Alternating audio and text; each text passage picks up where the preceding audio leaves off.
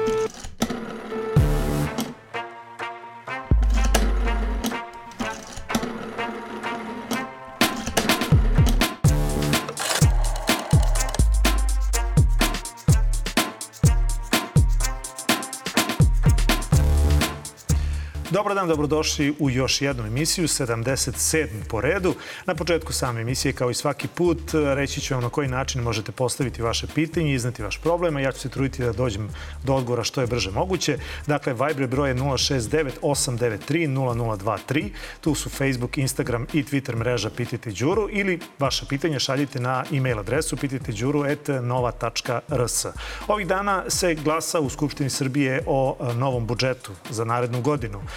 Da li će glasanje biti gotovo dok e, ova emisija bude emitovanja, dakle to je četvrtak, to ćemo da vidimo. Obično su petkom e, ti dani kada se glasa o budžetu, ali mi ćemo, to će nam biti inicijalna tema današnje emisije, zato je moj gost danas Nemanja Nenadić, programski direktor Transparentnosti Srbija. Nemanja, dobar dan, dobrodošao. Dobar dan. E sad, e, šta mi vidimo u ovom budžetu, a šta je ono što je ostalo skriveno od građana Srbije? Jesu li novci koje mi svi zajedno dajemo državi, a onda ono bi trebalo da vraća nama, je li to nešto što je transparentno? Pa ovako, mislim, ja sam već dugo u ovom poslu, tako da sad za ovih 20 godina koliko pratim i budžete i druge zakone koji se donose u Skupštini, sigurno da ima nekog napretka i da ima sve više informacija. Uh mhm. -huh. Tako da, ne znam, evo sada... Sve ih je teže sakriti, jel se e, može tako reći? Je, jest, sve ih je teže sakriti, ali a sad šta je, šta je poenta? Mi sad imamo budžete recimo od hiljadu strana sa obrazloženjem. Dobro. I to je, znači, neko ogromna količina informacija, tako na prvi pogled e, bi moglo da se zaključi. Međutim, kada uzme čovjek da čita, onda e, vidi da ima mnogo više pitanja nego što ima zaista odgovora u, tom tekstu, ma koliko on obsežan bio. A, tako da, recimo, ovaj, naravno, najveći deo ovog e, budžeta od tih hiljadu, oko hiljadu stranica čini obrazloženje. A, međutim, ta obrazloženja su najčešće vrlo tehnička, gde se samo ponavlja, eto, daje se toliko i toliko novca i gde, gde se ne vidi u suštini uh, u punom smislu svrha tih budžetskih izdvajanja. Onda imamo nešto što se zove programski budžet. Ja ne znam koliko ljudi to uopšte i znaju. A, to je, a, u tom programskom budžetu bi trebalo svaki državni organ, svako, svaki ko dobija neki novac iz e, budžeta, da iskaže šta će on to da uradi, uh mhm. -huh. koje će e, ciljeve da postigne ovaj, i sa tim parama jel, da, kojima raspolaže. Na primjer, ne znam, ako, ako treba neke obuke da se drže, koliko će biti polaznika tih obuka. Ako treba uh, neki broj dece da bude, neka deca jel, da, da idu u predškolsku školu, onda se daju nekakvi ciljevi koliko je koliko je ljudi, koliko deca će biti obuhvaćeno i tako dalje. E, ono što je problem jel da, sa, sa budžetom jeste to što se mnoge stvari ne vide. Jasno što su neke vrlo bitne stvari tu prikazane, ali ni izbliza sa... Na primjer? Pa evo recimo e, pitanje investicija nekakvih koje, koje će da se vrše kapitalne investicije iz budžeta. Mi možemo negde da vidimo, da pročitamo koji su to veliki projekti, koji putevi će da se grade, da će da se gradi stadion. Mm -hmm. ali ne možemo da vidimo e, šta je to što su, kako je uopšte utvrđeno da su to prioriteti. Ajde za početak. To je u stvari glavno pitanje kad je reč o tim najvećim projektima. Nije pitanje koliko je netransparentno e, to što se izdvaja, jer mora da bude transparentno, mora da se navede koliko će novca nego da, se, je da se plati, nego zašto baš to? Uh mhm. -huh. To je u suštini A pitanje. A ko to odlučuje? Je li to Siniša Mali? Je li to Ana Brnabić? Je li to fiskalni savet? I, ima pa ne, nije fiskalni savet sigurno nema pomenutih. Ove, ovaj, ti, to šta, će, šta su najveći e, projekti, projekti od nacionalnog značaja, to odlučuje vlada ili e, pa opet ima e, na osnovu jedne vladine uredbe trebalo bi da postoji neka komisija gde su opet članovi vlade e, ti koji određuju šta su neka javna ulaganja koja, se, koja, koja će da budu realizovana u narednom periodu. A mi vrlo često možemo da čujemo, to su sigurno i gledalci ove, imali prilike da čuju za onaj plan Srbija 2025, uh -huh. koji je promovisan negde uh, pred novu 2020. godinu. Bila je konferencija za štampu, RTS i ja se sećam i ovi drugi mediji su direktno uključivali. I onda je predsjednik Vučić, je, tad je bio predsjednik, da, ovaj, isto kao i sada, je crtao nešto po nekakve mape ovaj, gde će da prolaze putevi i tako dalje. Ovi ministri su svi a, tu bili, davali podršku. I mi smo onda probali da, da dobijemo taj plan. Jer nije bilo izveštaju sa konferencije. Ima vesti, ima... Kopije crteža možda? Ma da, nešto da dobijem. I ovaj, posle višemesečnog e, traganja e, dobili smo konačno odgovor iz vlade i kaže to ne postoji. Kaže, vlada Srbije nikada nije... Imala e, plan 2025 Srbije. Nikada nije razmatrala, usvajala taj program, taj plan Srbija 2025 kao nekakav akt vlade. Znači, to uopšte, to, to postoji kao, kao, ajde da kažemo, sva ministarstva su rekla, evo, mi mislimo da bismo mogli ovo, mi mislimo da bismo mogli ono, opštine su im verovatno davale... Znači, to je jedna vrsta promotivne kampanje i ništa Absolut, van toga. Apsolutno je to bila jedna promotivna kampanja u tom trenutku, pogotovo ne, ne znam ove, da li se može... sećate, to je pred one izbore 2020. Obično rađe. tako biva. I onda je došla korona, pa su Može li nam se malo... desiti da imamo tu sreću da recimo i ovaj nacionalni stadion od milijardu evra isto bude promotivna kampanja i da on zaista ne uđe u, u, u trošak? Pa evo ga, ušlo je u budžet i ušlo je u budžet jedna stavka gde će gde Skupština, sada kad bude glasala, će da da odobrenje da e, Srbija može da se zaduži za svrhu uh, izgradnje tog stadiona. Tako da to je nešto što biće pokriveno tim inicijalnim papirima. Naravno, postoji šansa da se kasnije i odustane od tog projekta kao i od uh, bilo kog drugog uh, i pogotovo ako se sve to učini pre nego što se u potpunosti napravi finansijska konstrukcija, pre nego što povučemo neke zajmove za to. Jer tu imamo ne samo ovako zdravorazumski da, da ima gomila prečeg stvari nego izgradnja nacionalnog stadiona, ove, što, jel da, mnogi slušalci će da, da pomisle, gledalci da pomisle. Međutim, ima i druga stvar. E, treba za tako velike investicije da se radi studija opravdanosti. Uh mhm. -huh. I, I to smo tražili isto. Ne postoji studija opravdanosti za pa, nacionalni stadion? Pazite, Siniša Mali kaže da postoji. Više puta izjavljivo da neće postoji. Da, da. I kad smo tražili od Ministarstva financija, prvo nisu hteli ništa da odgovore, onda smo se žalili, poverenik isto ovaj, pokrenuo postupak, rekao je to mora da se da i dobili smo odgovor da to ne postoji u tom trenutku. U nekom, to je bio neki oktobar 2020. godine. A može li se onda ući u realizaciju tog projekta ukoliko ne postoji studija? Pa, ne bi smelo, da. Uh -huh. e, međutim, šta je bilo? Sad Siniša Mali je potom isto obja, e, pričao da, da postoji, da je urađena, pa smo mi ponovo tražili, eto sad ćemo da vidimo šta će da bude. Hoće li, hoćemo li je dobiti, jer, pazi, ta studija bi trebalo da pokaže ne samo da li može da se izgradi stadion i da li bi to imalo nekakve, nekakve koristi, sigurno ima, šta god da izgradite, bit će nekakve koristi za, ne, za nešto će da služi. Već e, da se to uporedi, jel da, e, sa drugim mogućnostima. Da li je to baš pravo mesto, da li koliko se očekuje da će on biti korišćen. Možda da, da smo biti... konkurisali za ove kontejnere iz Katara, pa da to ne ode u Urugvaj, nego da dođe kod nas. Imali bi gde. Na primjer, da. Na primjer. E sad, sem e, tog nacionalnog stadiona, mm -hmm. šta još od tih velikih, jer to zaista jeste veliki projekat, jer je milijardu evra. Dakle, šta još e, bode oči? Pa ima nekoliko stvari. Recimo, e, Fiskalni savjet, pomenuli ste uh mhm. -huh. ranije, to je institucija koja je zaista vrlo dragocena i oni e, daju e, analize ne samo kada dođe budžet, završni račun, rebalans, nego i kada se rade nekakvi posebni zakoni. I oni su u stvari institucija državna, nezavisni organ koji postavlja važna pitanja. Međutim, kako oni nemaju nikakvu, da kažemo, izvršnu vlast, nikakvu mhm. mogućnost da nešto nametnu, onda... Samo neko ko nešto smatra. Možda je zato, možda ih zato vlasti toleriše. Uh -huh. Uh, vidimo nerado da ih toleriše, vidimo po diskusijama, često i u Skupštini, da su to nekakvi napadi potpuno neutemeljeni i odbrana, da, da poslanici brane vladu od nalaza Fiskalnog saveta umjesto da koriste... Čak i omalovažavaju. I omalovažavaju, tako je. Da, dakle, imali smo zaista vrlo neprimerene situacije, ali eto, nekako ta institucija opstaje, pretpostavljamo, zato što ne može ništa da spreči, da pokrene nekakve postupke, nego jedino daje mišljenje.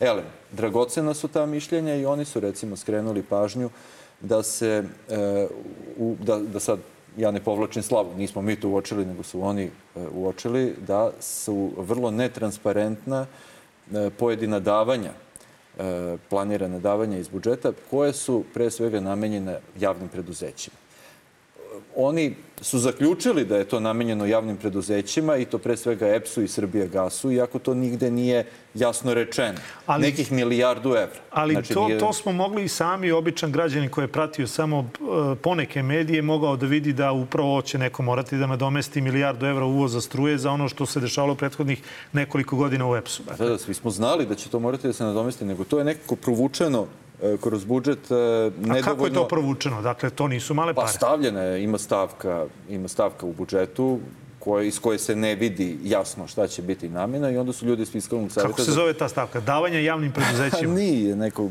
zaboravio sam. šta su stavili? Ostalo? Pa nije, ima neki troškovi nabavke nefinansijske imovine i tako dalje. Troškovi za... nabavke uglja, dobro. I ove, ovaj, to je praktično neka vrsta zaduživanja koja će mhm. -huh. biti potrebna da bi se I koliki je iznos? Da li je on milijardu? Milijardu evra. Tu govorimo o milijardu evra i Fiskalni savjet smatra da će oko 900 miliona od tog novca otići na EPS i na Srbije gas, odnosno na pokrivanje nekih njihovih gubitaka. A, mislim, aj sad ta javna preduzeća, to je stvarno, stvarno tragično ove, šta smo dozvolili da se dogodi. Ove, jer ako imate nestručno upravljanje, ako znate da, da, da imate tamo čoveka koji ne samo da nije najbolji među nekakvim kandidatima, već čovjek koji nije prošao nikakav konkurs uopšte, koji je izabran po, direktno po političkoj liniji i bez tih nekih, ajde da kažemo, kvalifikacija koje bi se moglo da očekuje da ima verovatno nekoliko stotina ljudi iz samog EPS-a, da ima mnogo veće kvalifikacije da se nađe na tom mestu i onda kako da se nadate uh, bilo kakvom rezultatu. A sada ne bude da je i Grčić sam kriv, naravno, da on, on je tu bio zato koga je što postavio je... Zato što koga je kontrolisao. Da. Koga je postavio, koga je kontrolisao i šta je uopšte, e, kako su bili određeni prioriteti tog EPS-a. Da li je prioritet bio, kao što bi jel da svako radio, da ima neko svoje sobstveno preduzeće, da ulaže u neke mašine, opremu, te kopove i šta već sve, sve tamo a, ima i da ih održava na način koji će dugoročno da obezbedi um, stabilnost snabdevanja električnom energijom ili su gledani neki kratkoročni interesi, pa da se kopa što više, O EPS-u da, o EPS i, Srbija gasu smo dosta slušali proteklih da. meseci. Mislim da to već svima jasno o čemu se tu radi. Mm -hmm. Ali jesu li javna preduzeća u Srbiji balast ili, ili potrebna? Može li se tu praviti, bilo je priče pre nekoliko godina, možda i desetina godina, o javno-privatnom partnerstvu, Dakle, ne možemo bez javnih preduzeća u smislu njihovo, njihovog rada. Dakle, ne možemo bez gradske čistoće, ne možemo bez gradskog prevoza, ne možemo bez tih delatnosti. Ali ovakva kakva su, jesu li ona igde mrdnula od onoga što smo imali 90. godina? Dakle, da li tu ima manje zaposlenih, da li se manje troši, da li su ona... E, daju više. Dakle, e, šta da. se dešava u tim javnim preduzećima? A, ajde ovako, bez nekih se verovatno i može, bez nekih se e, ne može. Šta je? To je sad pitanje, e, ovaj, tu ekonomisti naravno lome koplja i postoje različite državne politike. Da li, će, da li je ideja da taj javni sektor bude što manji uh mhm. -huh. e, ili pak da bude nešto veći jel da, i, da, i da može da posluži za vođenje nekakve politike socijalne i tako dalje. Dakle, ako Ako pođemo od ove prve logike da, da u javnom sektoru treba da bude samo ono što je zaista neophodno, onda bismo imali kao javna preduzeća e, samo ona gde nikakav privatni interes, e, ekonomski interes privatnika nekog ne bi postojao. Mm -hmm. Dakle, da javna preduzeća, da država ima pod svojim vlasništvom samo ono što je neophodno za građane, a gde, gde se nužno prave gubici. Eto, da, da tako kažem. Recimo, železnička preduzeća, železnička preduzeća su u mnogim zemljama državna, zato što e, taj posao nije, neki aspekti e, rada železnica jednostavno nisu isplativi dovoljno isplativo u današnje doba, a postoji jel da, nekakav interes da, se, da, da one jel da, opstanu. A, kad je reč o EPS-u, ono, što, ono čega se mnogi pribojavaju je da sve ovo što se sa njim radi je uvod u neku vrstu prodaje. Uh -huh. Mada smo dobili uveravanje da o tome nema reči. Premijerka je pa, govorila, govorila je ministarka. Ne, ne verujem da to uveravanja Pivodu. mogu da budu, da tako kažem, nešto u što se možemo pouzdati na duži rok. Dakle, te ideje postoje. Postoje odavno i A zašto je to loša ideja s obzirom na to kako, je, kako država vodi računa o, o tom javnom preduzeću? Nije ona nužno loša. Nije nužno loša, nego sada kad se stavi u kontekstu propaštavanja tih preduzeća. I uh mhm. -huh. e, onda dolazimo do, dolazimo do toga da se zapitamo da li je, da li je to rađeno namerno da bi se spustila cena i da bi se preduzeće prodalo jeftinije. Uh mhm. -huh. Znači, ne bi bilo prvi put. Jasno. Ne bi bilo prvi put i, i ove, to bi bilo u stvari daleko najgora varijanta. E sad, načalno gledano, može da bude naravno ovaj, preduzeće te vrste i u privatnom vlasništvu, ali ovaj, i verovatno bi se neki privatnik jel da bolje sta, starao o, o svim tim resursima kojima raspolaže. Ali opet sa druge strane, ovaj, pitanje, ostaje, ostaje pitanje ovaj, da li je to rizik, ne znam, sa stanovišta onoga šta je građanima potrebno i kako obezbediti taj neki minimum, jel da, koji, koji uh, minimum snabdevanja električnom energijom. Ovaj, a ono što je tu takođe veliko pitanje je to so, socijalna politika, jer ovde se, i to znaju opet ekonomisti mnogo bolje da objasne e, nego ja, ali e, EPS je služio u velikoj meri kao sredstvo za vođenje neke socijalne politike sa određivanjem nekih cena koje nisu uvijek bile na, na nekom Imate ekonomskom jeftinu nivou. struju i to je dovoljno. A s druge strane, uh, s druge strane, nije uh, jedin, jedan od razloga što je cena proizvodnje bila jel da, veća ponekada nego, nego cena prodaje, jeste ta neefikasnost u, u, u radu i zapošljavanje, fiktivno zapošljavanje ovaj, e, nekih ljudi u javnom preduzeću, što je, jer je u javnim preduzećima mnogo lakše mnogo lakše vršiti fiktivno zapošljavanje nego u državnoj upravi i mnogo je lakše taj proces e, zapošljavanja, mogu da se preskoče oni konkursi e, kad koji pominje, su u državnoj upravi obavezni i tako dalje. Kad pominjete e, zapošljavanje, e, nezakonito su, vlada je potvrdila 1258 vršilaca dužnosti. Dakle, mi živimo u VD stanju, očigledno, Jer javno preduzeće, ja ne znam da li postoji jedno da nema vede direktora, da, li, da ima pravog direktora. Dakle, e, kako je to uopšte moguće? Dakle, kako je moguće da država svesno krši sobstveni zakon?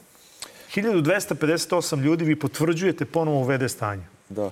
E, to je, ovaj, to, to je odlično ovaj, za taj podatak e, da, da se izvuku. On se odnosi na državnu upravu. Uh mhm. -huh. Znači, on se odnosi na državnu upravu i to na period od dve godine od 2020. od 2022. ona prethodna vlada Ane Brnabić, toliko je bilo doneto rešenja o postavljenju VD službenika, VD pomoćnika ministara, na primjer, uh mhm. -huh. i da to je najpribližnije da objasnimo, i direktora raznih vladinih agencija.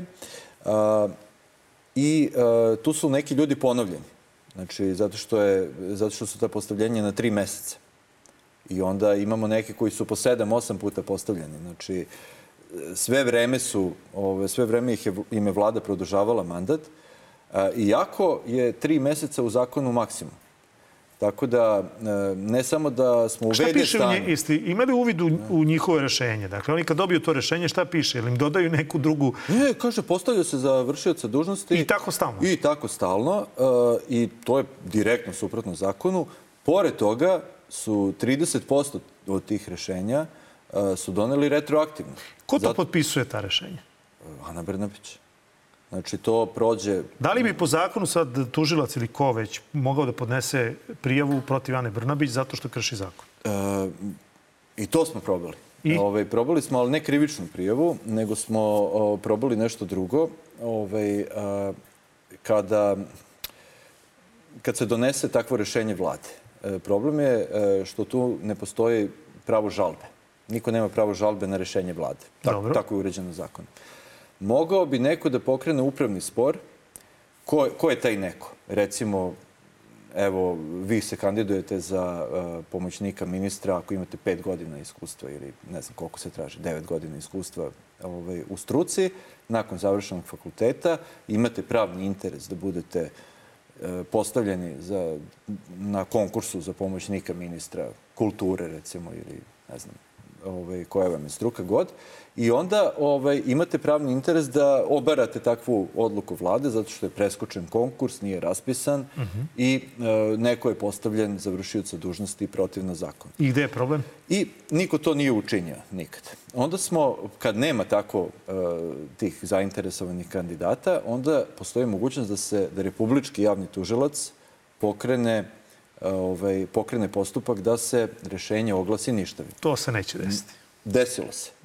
Pisali smo republičkom javnom tužiocu. Ja Zagorki Dolovac. Pa sad ne verujem, da je on, ne verujem da je ona lično, da, da. ali neko je drugi, nije u stvari ona, potpisan je neko od zamenika. Uh, I uh, oni su prihvatili tu inicijativu.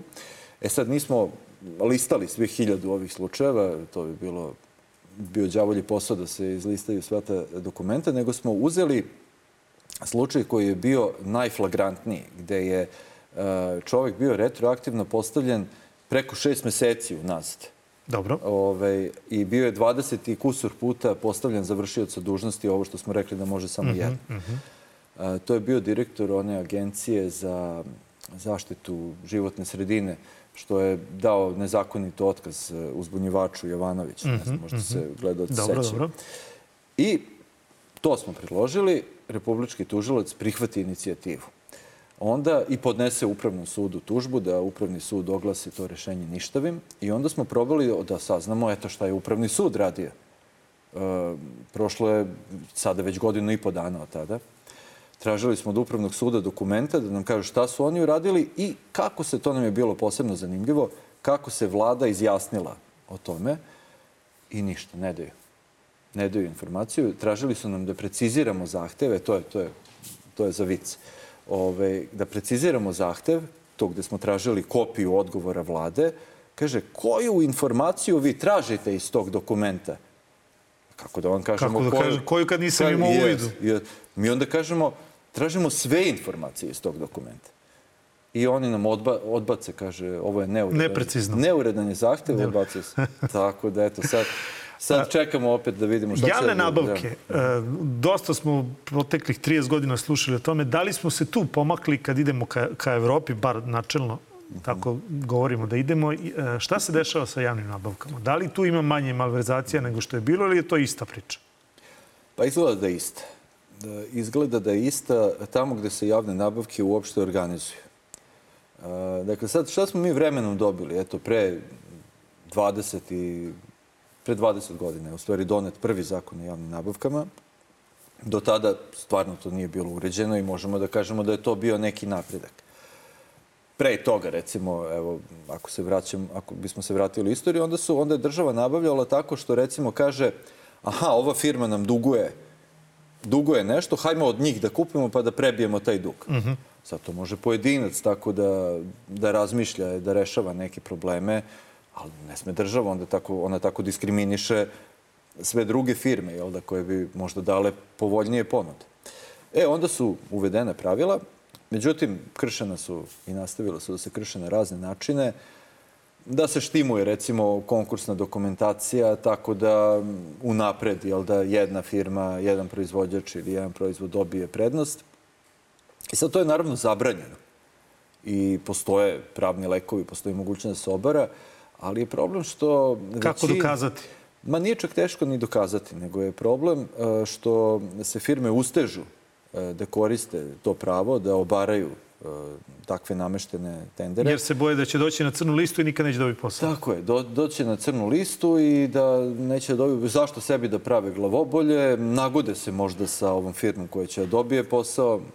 Ovde firme ne traže čak ni povraćaj PDV-a kad na to imaju pravo, jer znaju da će posle toga dobiti sve moguće inspekcije koje postoje. Izgleda da je to. I onda imamo, uh, imamo baš žalosnu situaciju da čak i kad neke nabavke nisu nameštene da se javi uh, jako mali broj firmi, jedna, dve, ovaj, čak, čak i kad ta konkursna dokumentacija nije, nije tako napravljena da može samo jedna firma e, da konkuriše. A inače imali smo slučajeve, ne znam, evo, mnogim Beograđanima, a od skora i Nišlijama je verovatno omržena, omrženo oko Sokolov, ovo što je parking servis ima, to je recimo bila jedna nabavka koja je u potpunosti očigledno Nameštena. nameštena. Da, napisani su uslovi bukvalno tako da... da Je neko samo... odgovarao? Ma, ma kakvi, ma ne, to je prošlo i niko se nije žalio, niko nije obarao tu nabavku. Znači, napisano je, bukvalno su napisane karakteristike Automobila. jednog, jedne vrste automobila za kojih postoji samo jedan ekskluzivni uvoznik u Srbiji. E sad, kad sve ovo čujemo, dakle, šta radi Agencija za sprečavanje korupcije? Pa, dobro, Kako ona evo, funkcioniše? da. Dakle, nekom lajku koji samo zna za ime te agencije, možda ne zna ni to kako se zove. Dakle, kako ta agencija funkcioniše? Koliko tamo ima zaposlenih? Ko je tamo postavljen kao direktor? Čak je bilo, ja mislim, priče i oko postavljenja tog direktora ag- agencije da i to bilo problematično. Dakle, kako oni idu u kontrolu? E, ajde, ajde da, da Ima nisu, pitanja. oni za sve krivi. Dobro. Ali, ovi, recimo za ove javne nabavke nisu oni, nije njihova e, nadležnost. Tu postoji kancelarija za javne nabavke koja bi trebalo mnogo više postupaka da kontroliše. Imamo DRI koja mnoge stvari e, vidi. Imamo tužioce na kraju krajeva koji bi Da trebalo... pojasnimo pokreću- revizorska institucija. jel tako? E, Da, da, državne revizorske institucije, da.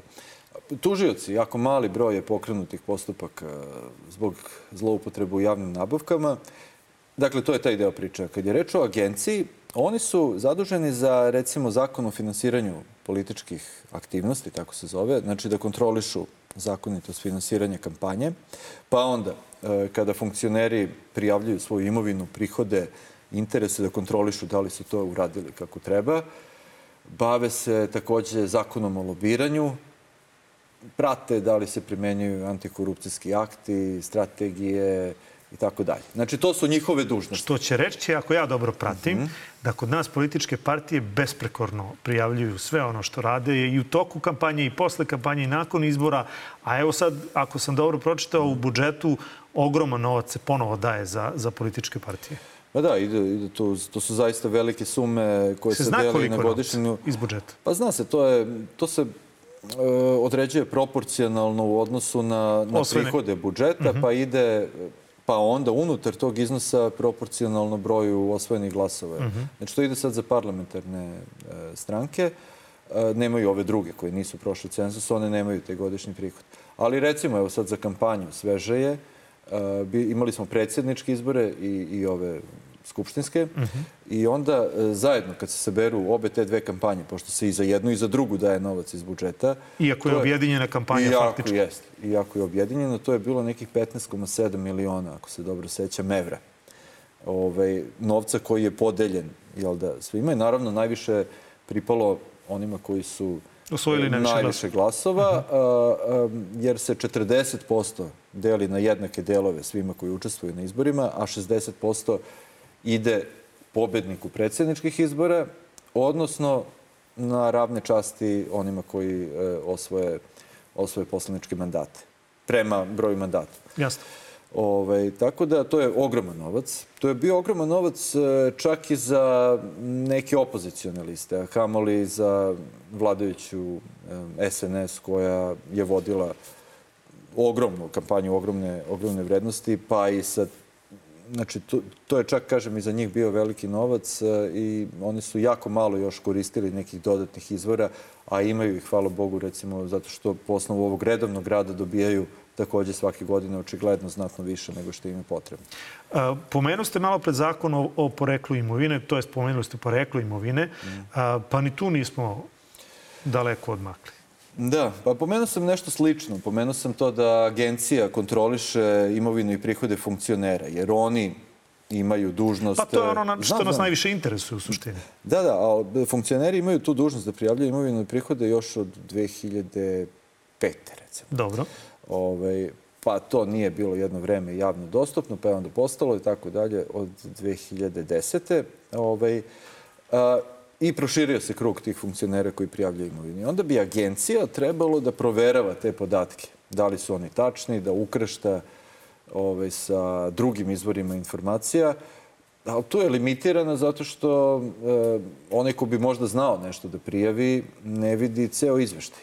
Jer se vide vi vidite samo šta su od nekretnina, koja je vrednost nekih nekretnina, e, od, ili opis u stvari nekretnina, ne znam, koliki stan, koliki plac i tako dalje. E, neko ima, da li ima ili nema ušteđevinu, ne vidite prijavljenu vrednost, da li ima ili nema um, automobile i druga vozila. Pa šta onda vidite? To se vidi. To se vidi. A ne vidi se, e, ne, pa, pazite, vi ne vidite, recimo, vi možete da vidite vašeg predsednika opštine kako vozi neki besni auto. Je li tako? I onda vi ne možete da znate da li to njegov... Vi možete da vidite da li on to prijavio kao svoj imovinu, ali ne možete da, da znate ako je to imovina, recimo, ako se auto vodi na njegovog oca ili sina ili ženu, šta god. E, to recimo ne znate. I e, onda isto to važi i za druge neke stvari. Ovaj, e, za, pogotovo, recimo, za, često se postavlja sad pitanje kriptovaluta. To se isto ne vidi, taj deo izveštaja, da li neko prijavio da ima ili nema. Onda imamo poseban fenomen, sad je tek uvedeno u zakonu, da su funkcioneri dužni da prijavljuju gotov novac, keš. I onda, ovaj, a, i to je dobro u principu, jer do sada, sećate se onog, kako se zvao, Jovičić. Predsednik opštine Palilula. Je, e, da. Onda je on, kad su mu našli neke pare, koje je verovatno, jel, da to tužio, tužioci pretpostavljaju da potiču od nekog podmićivanja ili nešto tome slično, ovaj, onda se on branio, kaže da je to dobio za svadbu. E sad, ovaj, kako da vam kažem, on je, da je postojala ta obaveza da se prijavi keš, on, je, on bi morao... Jel, kao da javni funkcioner, to bi morao da javni funkcioner da prijavi unapred i onda bi se videlo, aha, bio je prijavio, zaista imao to od svadbe. Je to oporezivo? Uh, ne ver. U stvari možda jeste, ne znam. Ima neki... Ne, jeste, verovatno, ovaj, neki pokloni preko neke vrednosti su oporezivi, da. Ali kako god, znači mora bi da prijavi ovaj, to da je postojala takva dužnost. Ali onda ima i drugi rizik. Sad je otvorena sad postoji ta obaveza da se prijavljuje keš i možda će neko kada dođe na funkciju da kaže ajde da prijavim ja 100.000 evra koje nemam, mm -hmm. Računajući da će otprilike toliko jel da, da, da nelegalno Znači on može zaradi... da ostavi to u kešu, ne mora to da uplati na svoj račun.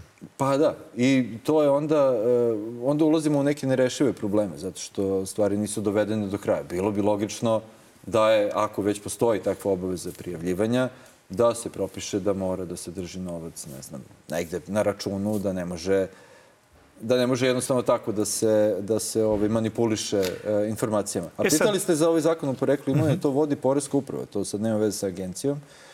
I tu upravo ste, ne, ne znamo baš ništa šta se dešava, ne znamo koliko ljudi je kontrolisano, kako su oni odebrali, koji će to ljudi biti podvrgnuti kontroli.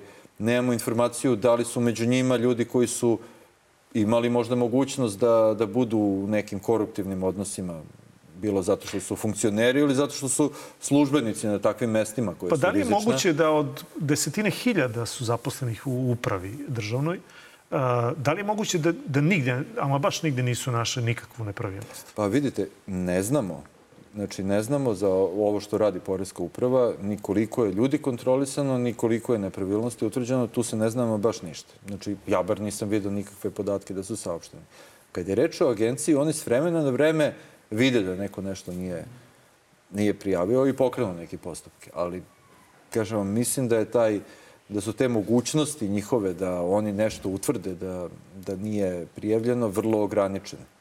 Oni mogu da uporede, ne znam, vlasničke listove iz katastra sa, sa onim što je funkcioner prijavio, pa da vide jel da, da li nije prijavljeno nešto što, je, što se vodi na njegovo ime, ali neku skrivenu imovinu, recimo kao onaj, bio sve vremeno neki direktor elektrodistribucije Beograd, koji je pokupovao neke silne stanove u Parizu pa su mu to kasnije našli. To recimo se ne vidi, jel tako? To što je imovina inostranstva. A šta je sa brisanjem? E, bili ste funkcioner, pa prošlo određeni broj meseci ili godina i pu i pike na važi. Dakle, to što ste da. bili i stekli, nikom, nikom ništa. Je li to moguće da je to prošlo? Je li to može se menja?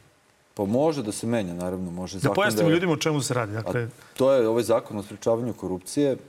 Kada je pisan, evo ja priznajem, meni je promaklo. Gledao sam pola odredbi smo pisali amandmane, ova nam je nekako promakla. Zaista stoji, piše u, u zakonu, da će posle nekog vremena, da li dve godine, po prestanku javne funkcije, da se briše sa sajta agencije da se brišu ti podaci iz izveštaja o imovini funkcionera iz ovih šturih izveštaja koje sad ovde pominjamo. Šta će to značiti? Ove, ovaj, to znači da vi sad ne možete da ispratite nekog koje, jel da, kome je funkcija prestala pre više od dve godine, kao u slučaju, jel da, bivšeg e, predsednika Nikolića, Ove, ovaj, tu se pominjalo, jel da, u javnosti, ove, ovaj, ne možete da vidite e, šta je on imao u vreme dok je vršio javnu funkciju i šta je prijavljivo u tim izveštajima godinu i dve dana posle e, funkcije. Da ne to bude znači, samo ako... priča o Nikoliću, da, da, mislim, ali to isto evo, važi za sve smo se su... toga zato što je prosto da. primer da. koji znaju svi. Mm -hmm. Dakle, sada ako neko hoće da podnese prijavu ili ima eventualno neke dokaze, da li se može osloniti ili to sve izbrisano? E, to se javno ne vidi. Verovatno nije izbrisano. Možda postoji negde, negde kod agencije, u nekim arhivama, ali jednostavno ovaj, Da, čak ni to ne znamo. Ne znamo ni da li su sačuvali.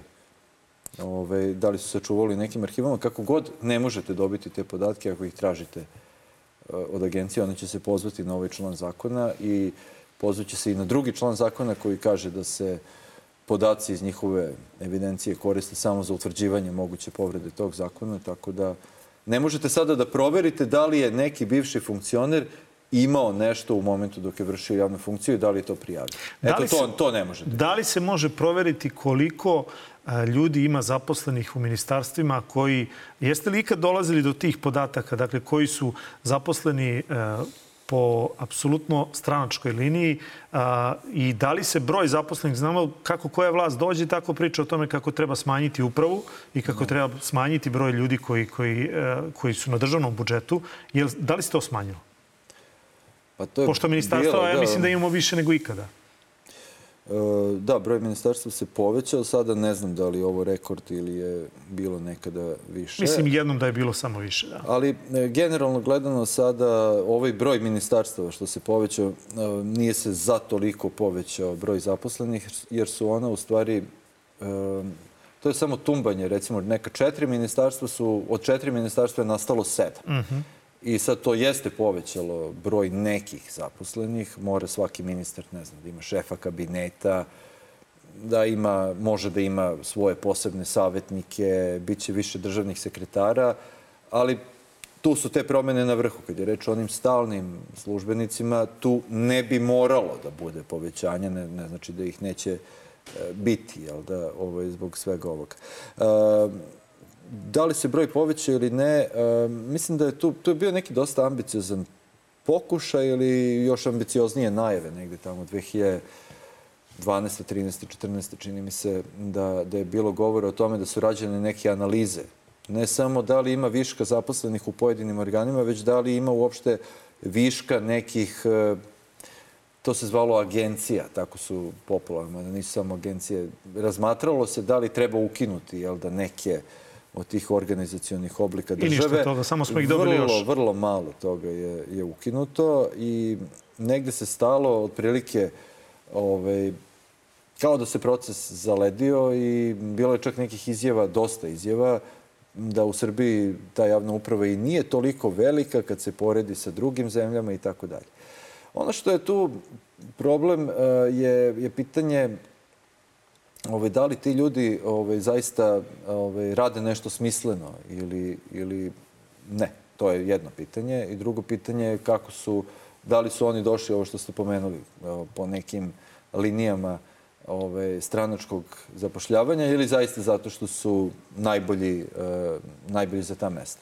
I uh, svojevremeno ovaj, je bio jedan super pokazatelj ovaj, kad se povela ta priča pre nekih 15 godina. U opštinama. E, opštine su imale veoma, ne, veoma različite brojeve zaposlenih i onda su e, stvari krenule malo da se dovode u red i proklamovani su neki principi, čini mi se, jedan zaposlen na hiljadu stanovnika. A i paradoksalno, neke od opština koje su imale najmanji e, broj zaposlenih su bile one gde se vlast nije menjala gde su socijalisti bili sve vreme, ono, iz doba, uh mhm. -huh.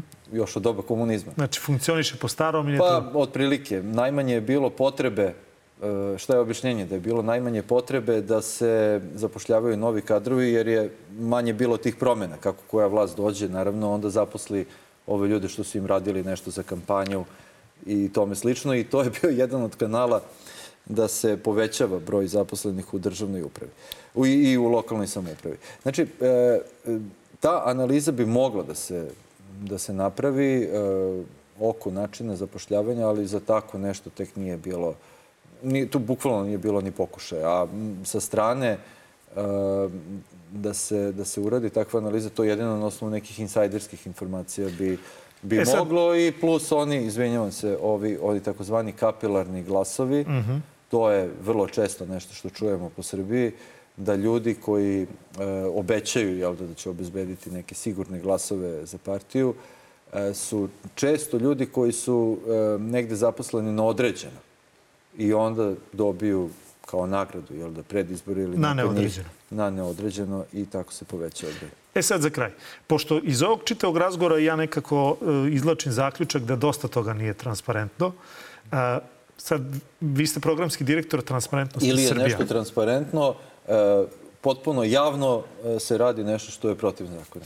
Da. Ima li, pošto ste vi programski direktor Transparentnosti Srbija, znamo da to postoji, da to postoji širom Evrope. Dakle, ima li ovde neko ko će iz Evrope da kaže e, pošto ovo ne radite onako kako su e, plan i program pridruživanja Evropskoj uniji, od sada više neće moći tako?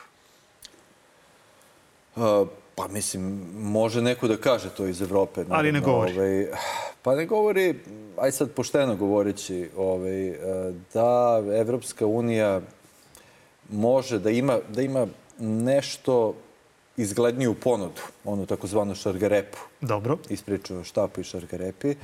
Onda bi verovatno stvari funkcionisale malo drugačije. Ovde je problem malo što su oni malo ušli u, u međusobne um, razmirice jel da, oko koncepta kako Unija uopšte treba da funkcioniše, kako da se širi.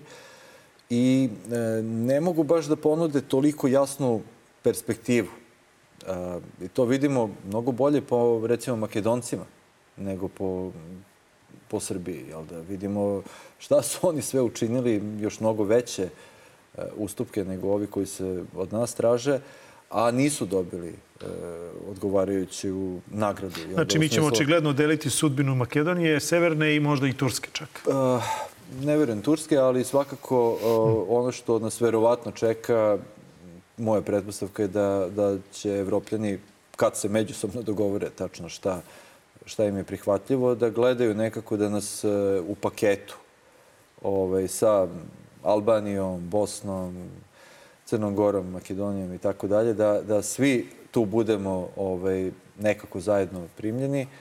To je moja pretpostavka, ali e, problem u tome što se ne vidi kad će to da bude. I ovaj, kad je bilo nešto konkretno da se ponudi. Najkonkretnija stvar koju smo dobili, naravno i pomoć novčana je dobrodošla i korisna, ali ono što je građanima bilo najvidljivije je ona vizna liberalizacija. Kad je to bilo na stolu uh, i kada smo dobili vrlo konkretne zahteve šta treba da se uradi pre uh, dobijanja vizne liberalizacije, vlada je vrlo uh, temeljno prilegla da to uradi i završila posao.